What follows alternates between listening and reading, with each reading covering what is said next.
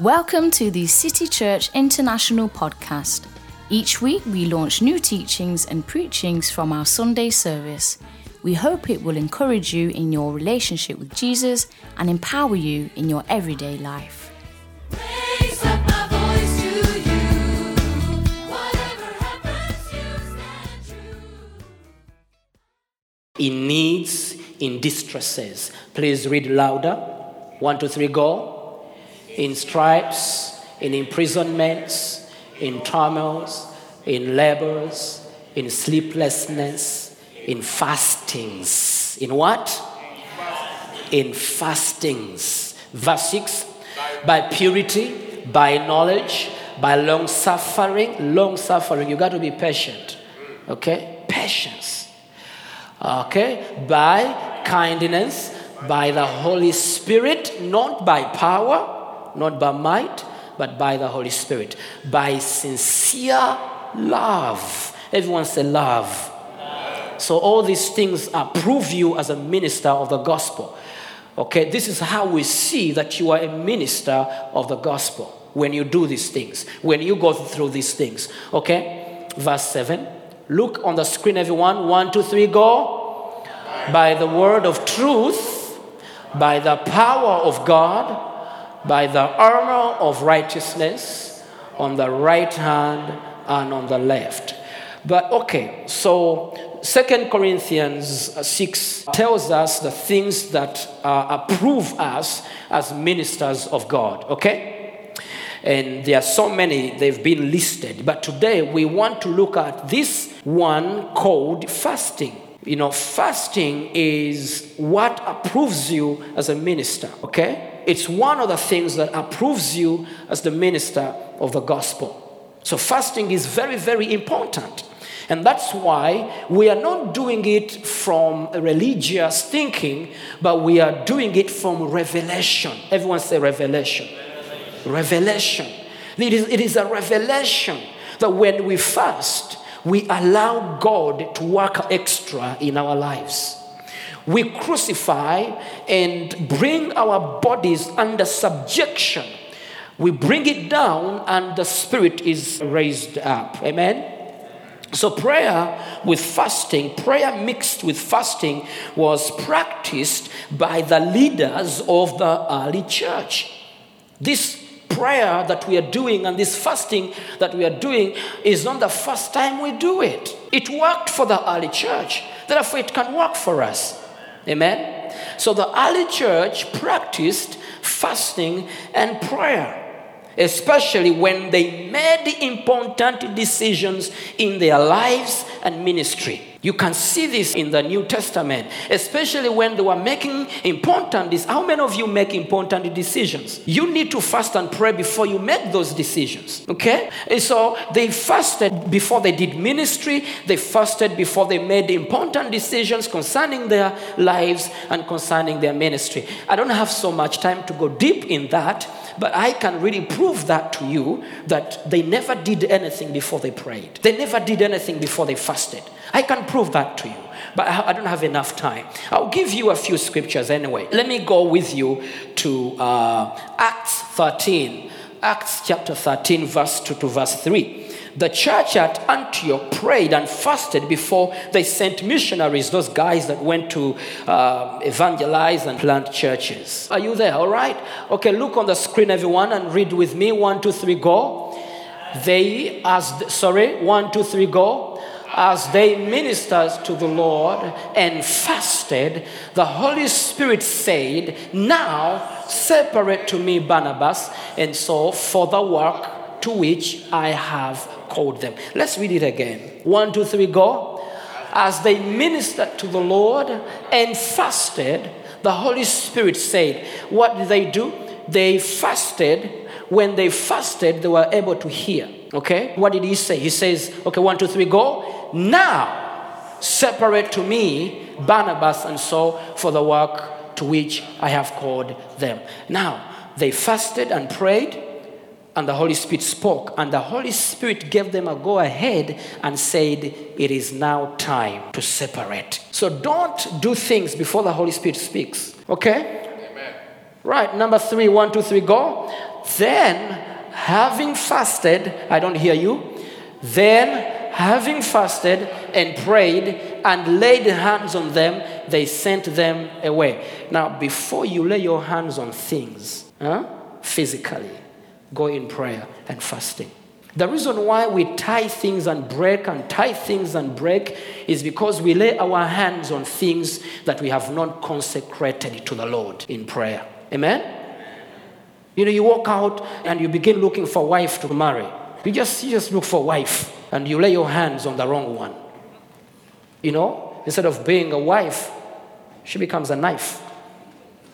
Why? Because you laid your hands physically before you took it in the spirit. Amen? So do not bless things physically before you bless them in the spirit. Amen? Sisters, you listen to what I'm saying? Hmm? Don't go with him. Don't go with him until you know that this man fears the Lord. This man loves the Lord. Oh, I love you, I love you, I love you, I love you. If you don't love the Lord, you can't love me. Period. On the first day they take you for that oh, outing, ask these important questions Do you pray? Do you fast? Do you speak in tongues? Do you give? Do you love? Hey, hey. Don't feel like I'm melting. They say he loves me. Before you melt, ask those important questions. Do you fast? Do you pray? Do you give? Do you speak in tongues? Do you love? Are you patient? Pastor, I'm engaged. Before you get engaged, have you looked at all those things? Okay, that was extra for you, just for you, just for you. Praise God.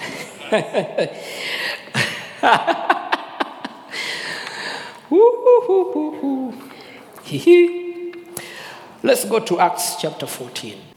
You see here, Paul and Barnabas prayed and fasted before they appointed leaders over the churches. Okay? Acts 14 23. So let's go. One, two, three, go. So I, I don't hear you.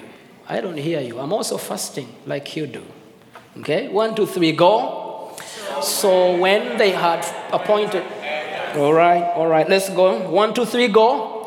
So when they had appointed elders in every church and prayed with fasting, they commended them to the Lord in whom they had believed. So fasting and prayer was part of them before they did any move, before they did anything, they fasted and prayed. Amen? So before, before you do anything, before you do anything, I encourage you to fast and pray. Apostle Paul encouraged husbands and wives to give themselves to prayer and fasting. Did you know that? Have you ever seen that in the Bible? Apostle Paul encouraged husbands and wives to give themselves to fasting. Okay? Let's go to 1 Corinthians 7 5. 1 Corinthians chapter 7, verse 5. 1, 2, 3, go. Do not deprive one another. I don't hear you. One, two, three, go. Do not deprive one another except with consent for a time, that you may give yourselves to fasting and prayer and come together again so that Satan does not tempt you because of your lack of self control. Okay, what does that mean? He's encouraging husbands and wives to give themselves to fasting. Sometimes husbands need to fast and wives need to fast. But of course, he gives us encouragement plus advice, and he says that before you go into this fasting, you need to talk.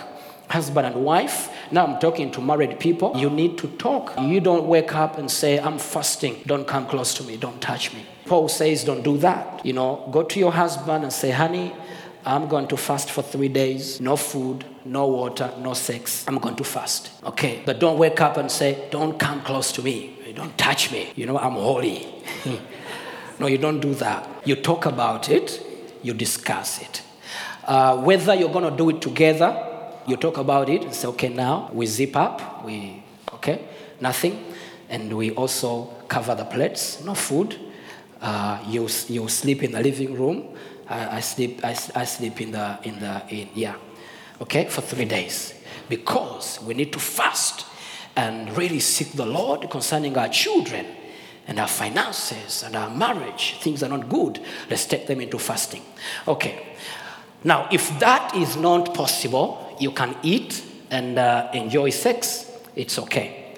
Not until you agree not to do it. Okay? So do not force each other not to have sex because you're fasting until you agree.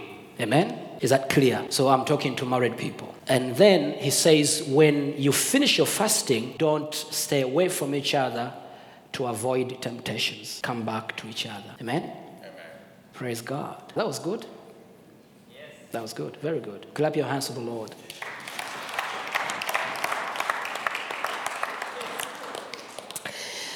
Hallelujah. Yeah, some people are happy because they've been deprived. Praise God. Glory to God. You know, we're a family, you know. Some people are saying, Pastor, this is a holy place. Yeah, sex is holy. Sex is holy if you do it at the right time after marriage. If you do it before marriage, it's bad, very bad. God doesn't want to look at it. Amen? But if you get married, God enjoys that. When you do it, it's worship to Him. Man, I, I got to come back and teach you about that. Okay? So, okay. So, in interceding for your family, husband and wife and children, interceding for your family, there are physical, physical and spiritual needs and situations in your family that need prayer and fasting. Trust me. There are physical needs and spiritual needs in your family that need prayer and fasting. And some of the things in our lives don't go until we fast and pray. Let's go and see what Jesus said. It is in Matthew 17, verse 21. Matthew 17, verse 21. Yeah, and this is after the disciples couldn't cast that spirit from the boy, and Jesus came and um, helped them, saved them, and the spirit left, and they came to him and they were wondering, How did you do this? And so Jesus talked about faith, but again, he also talked about prayer and fasting. And so he says, However, this kind does not go out except by prayer and fasting. So there are things that do not leave unless we fast and pray. Unless we fast and pray. You see how prayer and fasting is important? Very important. There are, there are kinds of demons and issues in our lives that do not go until we fast and pray. Amen. Okay, briefly, I want to talk to you about God is chosen fast because not every fast is God chosen. Did you know that? Not every fast is God chosen. So God has given us the order of fasting, what He calls fasting. I do not want to do what I call fasting. I want to do what God calls fasting. Amen? So let's quickly go to Isaiah 58. Isaiah 58 describes God's chosen, all divinely approved fast. God tells his people that no religious act has any value to him if it does not come from those who humbly obey him and who compassionately reach out to those in need. Let's go to Isaiah 58. Isaiah 58, we read from uh, verse, verse 5. Okay, this is what the Bible says. One, two, three, go. Is it a fast that I have chosen? A day for a man to afflict his soul? Is it to bow down his head like a bulrush and to spread out sackcloth and ashes? Would you call this a fast? Now, hold it, hold it there. this comes after a verse. You can go back and read the whole chapter when uh, people were complaining that God, we have fasted, we have prayed, and you have not paid attention. How many of you feel like sometimes you don't feel like God is paying attention? Probably you need to check the way you're doing it. Because they were complaining and saying, You see, we are fasting, we've prayed, we've done everything, Lord, and you are not paying attention. Why are you not listening? And then God answered in verse uh, 5 and He says, I don't understand what you're doing. Is that what you call fasting? Let's go to verse 6. Is this not the fast that I have chosen? To loose the bonds of wickedness, to undo the heavy burdens, to let the oppressed go free, and that you break every yoke. So now, God, in this chapter, He's answering people that were complaining, people that were complaining. Amen. Now, God is chosen first is one where genuine humility of the heart is ex- expressed before God rather than religious acts. That is verse 5. Number two, to loose the bonds of wickedness and to undo heavy burdens, to free the oppressed. That is verse 6. He talks about to loose the bonds of wickedness, to undo the heavy burdens, to let the oppressed go free, and to break every yoke. Now, in those days, they had slaves, okay? And uh, when a slave master went for fasting, it means that you need to lose some f- slaves go free. Break the chains. Don't oppress people. Don't oppress foreigners.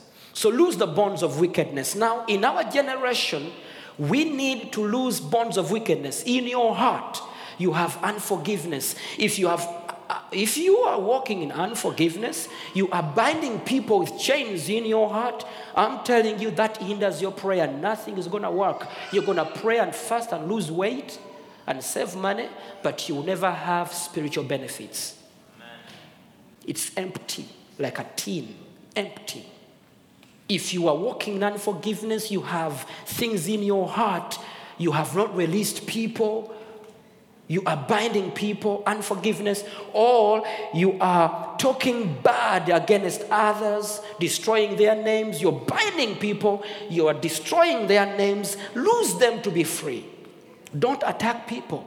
Don't fight anybody. Don't speak evil about people. Do not hold things in your heart. Walk in forgiveness.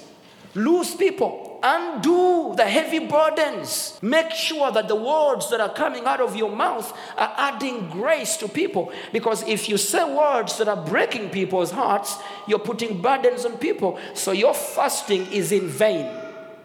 Okay?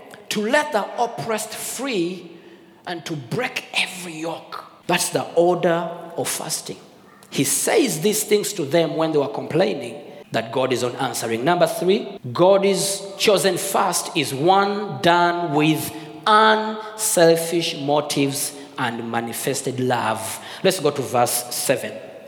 Give me verse 7. Is it known to, one, two, three, go, read with me. Is it known to share your bread with the hungry and that you bring to your house the poor who are cast out? When you see the naked, that you cover him and not hide yourself from your, from your own flesh. Now, verse 7 talks about to stop unselfish motives. In what you do, you need to check. You see, God is not interested in what you do, but is interested in why you do what you do. What are your motives? You know, we are living in a generation where people are so selfish, it's all about them. They are happy if they have what they want. They will praise you if you give them what they want. But it's all about them. It's, it's a bad, bad generation that we are living in. But as believers, we need to break this yoke of people's lives. Stop being selfish. Live in a society where you become a blessing, not a taker, but a giver. It is not about taking and taking and taking, it's about giving. Freely you have received, freely give. So he's talking about selfish motives. Why do you do what you do? What is your motive? I've been teaching a lot about this in our workers' meetings and ministers' meetings. Why do you do what you do? Selfish motives. So many people jump into things for what they get from that thing or from those people or from that place. They will never do anything for the sake of others. They always do things for themselves. And so when you have such motives in your fasting period, everything is in vain. This is biblical. It's what God is saying. Selfish motives. Love. If you don't walk in love, and see, love is not a talk, love is action, love is doing. So if you are not walking in love, your prayer is limited and you it's hindered. Okay? If you are not walking in love your prayer is hindered by your failure to walk in love.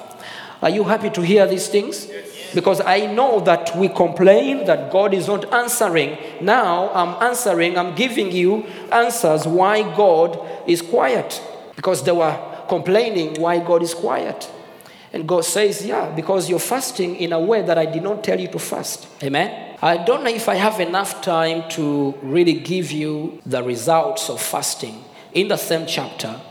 When you fast, the first thing that happens is that God begins to reveal Himself to you. The Father says, Then you shall call, and the Lord will answer you. You shall cry, and he will say, Here I am, in verse 9.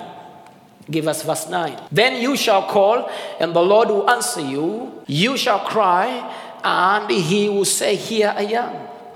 After the order he has given you, these things will begin to happen. If you take away the yoke from your midst, okay, the pointing of the finger, if you take those things away from your midst, I'll say, Here I am. So there is something here that I want you to see in verse 8 and verse 10. We will see illumination. Just like Lillian, she was illuminated at her place of work. She was enlightened at her place of work because she was praying and fasting. Verse 8 and verse 10 declares, verse 8, then you, verse 8, then you, then, sorry, then your light shall break forth like the morning. Your healing shall spring forth speedily, and your righteousness shall go before you. The glory of the Lord shall be upon you. So it says there that your light shall come. You'll be illuminated.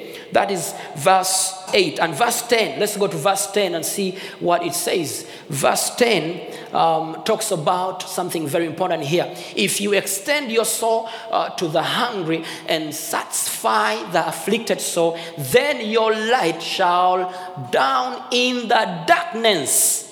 You see, that's a benefit. And your darkness shall be as noonday. How many of you are living in a situation where you feel like it's dark? You don't see the future.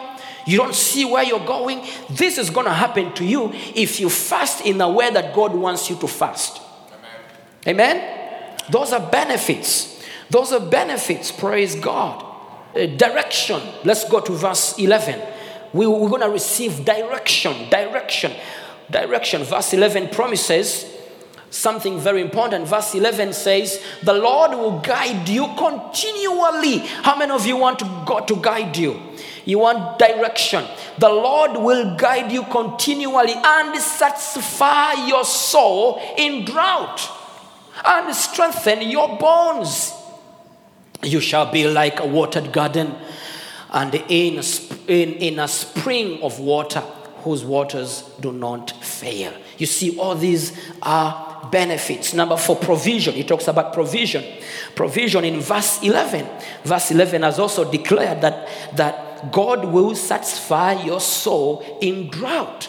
And this can apply to both material and spiritual needs. Number five, rejuvenation. Rejuvenation. That is number five. Let's go to verse 11 again. Restored to your youth. Verse 11 declares, God will strengthen your bones. How many of you feel like you're getting old? How many of you feel like you're getting old? Praise God. Well, all, all are young people here. Praise God.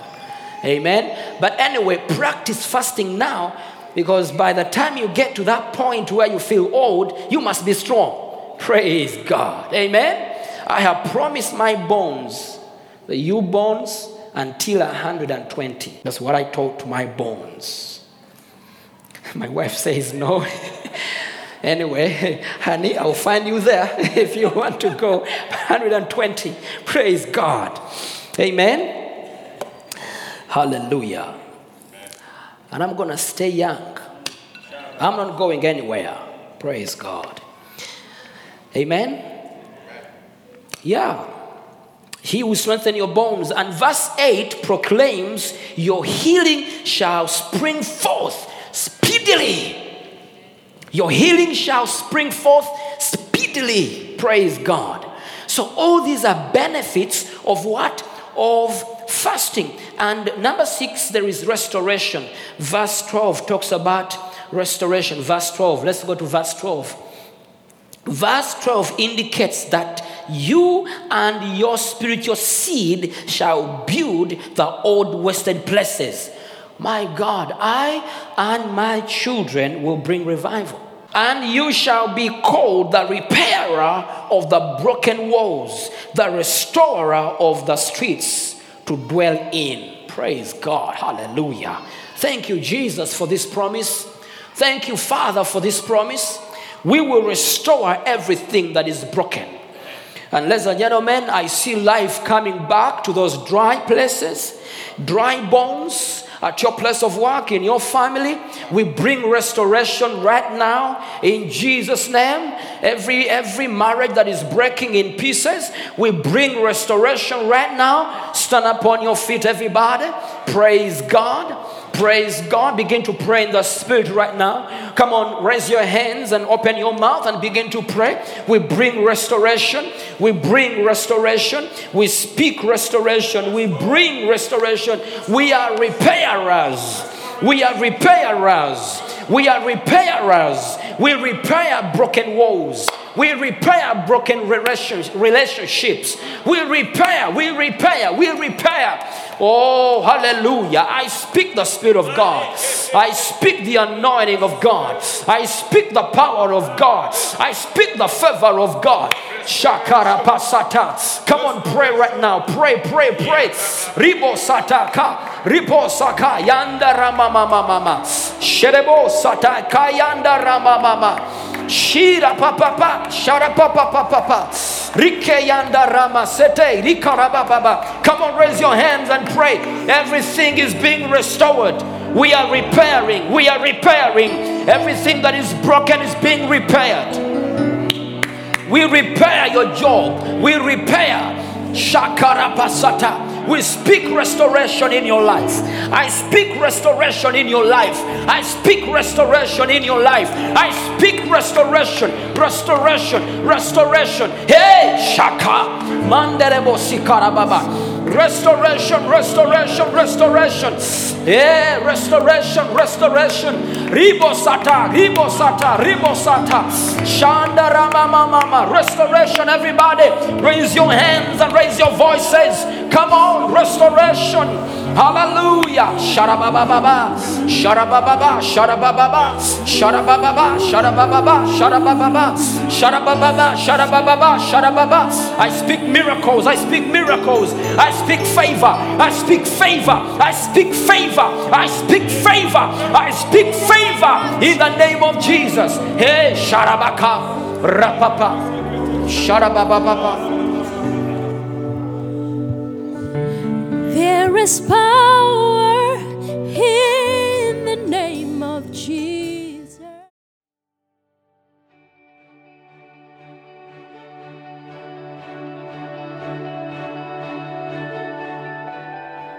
Thank you for listening. If you're in the Stockholm area, feel free to join us at our international services every Sunday at 2 pm at Adolf Fredriks Kyrkogata 10. If you'd like to know more about Jesus or for any other information, please do visit us at ccistockholm.se.